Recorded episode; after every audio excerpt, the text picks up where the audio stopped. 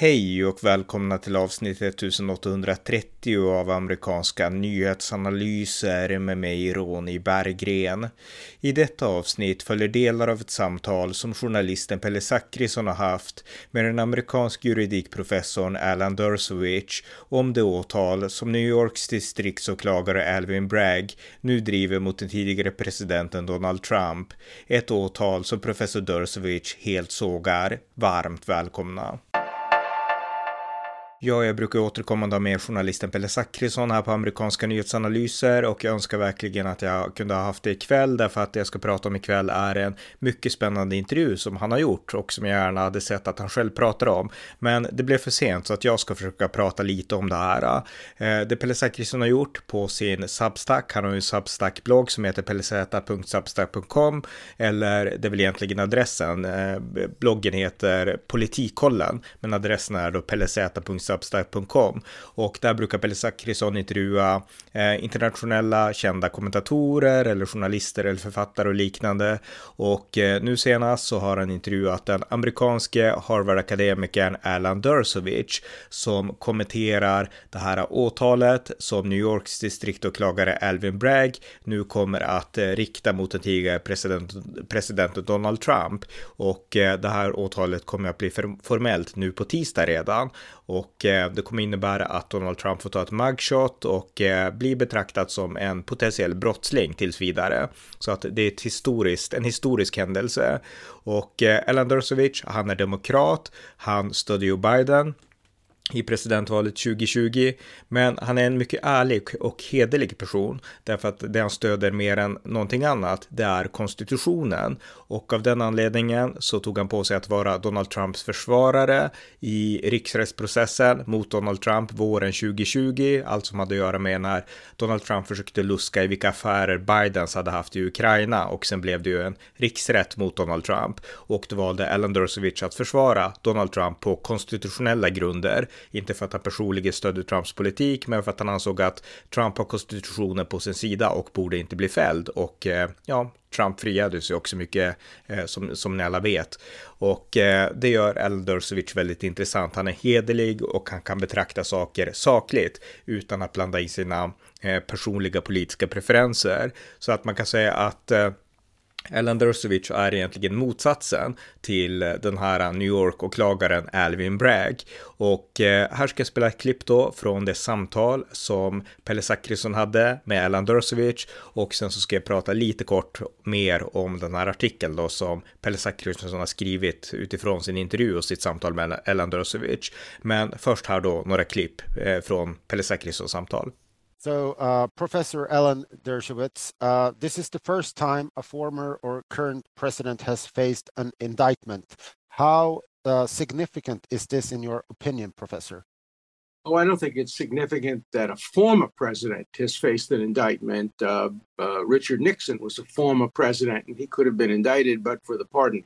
The key is that a potential future president has been indicted. The man who is running against the prosecutor's boss. The prosecutor is a Democrat who ran on the campaign promise to get Trump, to hmm. stop him from beating Joe Biden. And now he is indicting the man who will run against the Democrat president. That's what's so unusual about this case. Now, I myself am a Democrat.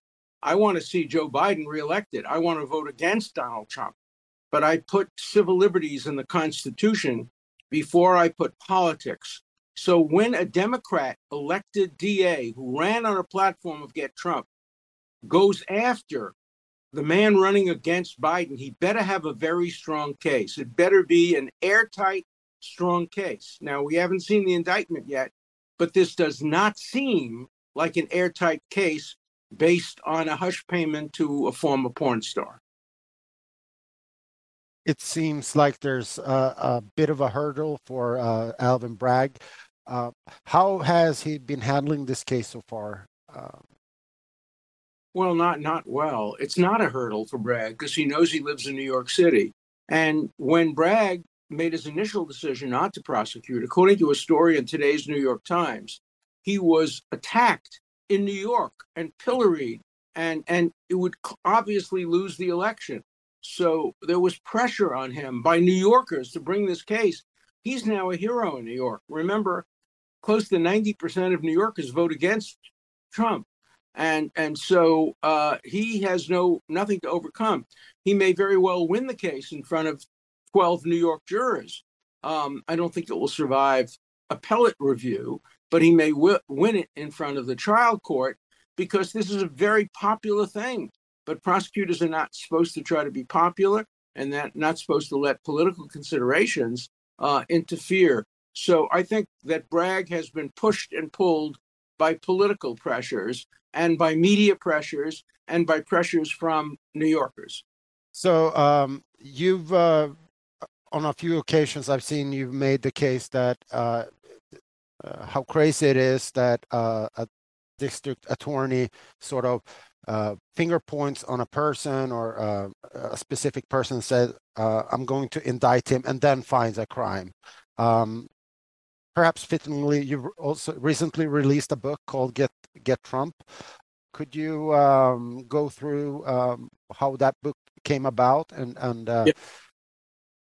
the title of the book comes from the campaign promises made by the persons, the Democrats running for district attorney and for uh, attorney general. They both promised to get Trump, so that's the name of the book and it goes through the dangers of allowing prosecutors to campaign on the promise to get somebody. I can't imagine anywhere in Europe.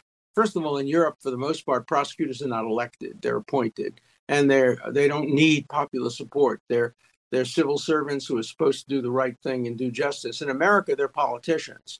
And so my book is an attack on that, on politicians being prosecutors and running for office on the promise to get a particular individual. Uh, I quote the famous exchange between Lavrenti Beria, the head of the KGB, and Stalin, when Beria said to Stalin, Show me the man and I'll find you the crime. Um, as Justice Jackson, a great American justice and attorney general, once said, any prosecutor can rummage through the hundreds and hundreds of statutes and regulations and find something to pin on almost anybody. So the thesis of the book is that this is a very dangerous approach to law enforcement. Then I go through each of the four cases against Trump, and I show that none of them have any basis. Look, I was Donald Trump's lawyer uh, in front of the United States Senate in 2020. Even though I vote against him, I don't support his views. I support the Constitution, and we won that case on constitutional uh, grounds. But I'm not his lawyer now. What I'm doing is, as a civil libertarian, as someone who cares deeply. If the prosecution can make a case against Trump, a case that they have prosecuted others on, not a unique case, I would support a, a fair prosecution against Donald Trump. But I don't support singling him out and trying to get him and then find and finding the crimes. Så det var några klipp med Pelle Zackrisson som har intervjuat då den amerikanske professorn Alan Dersovic och eh, läs gärna hela intervjun och hela artikeln på pellez.substack.com och eh, bara får jag berätta några korta saker från texten då som ni får läsa i det senare själva.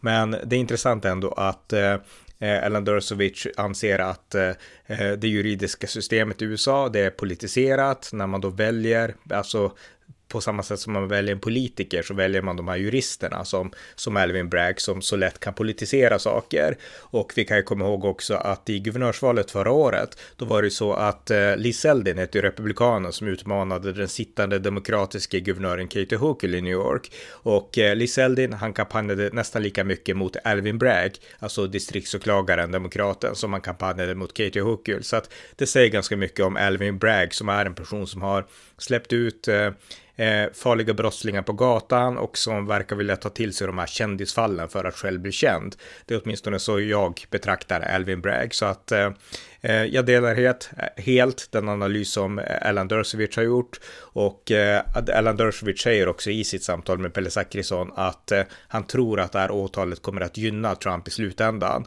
och eh, hjälpa Trump att kanske bli vald till president igen.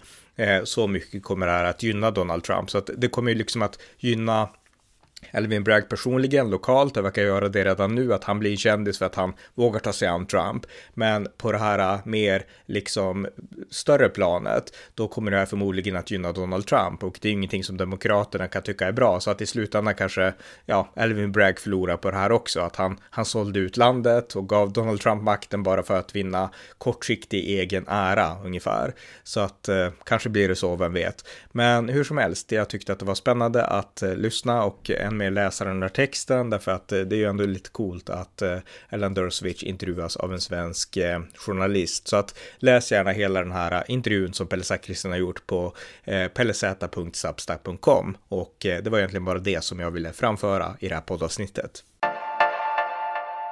Tack för att ni lyssnat på amerikanska nyhetsanalyser. Men eftersom detta samtal helt var Pelle Zachrissons verk så vill jag denna gång mana er som lyssnar att börja prenumerera på hans Substack, pellez.substack.com. Tack igen för att ni har lyssnat. Vi hörs snart igen.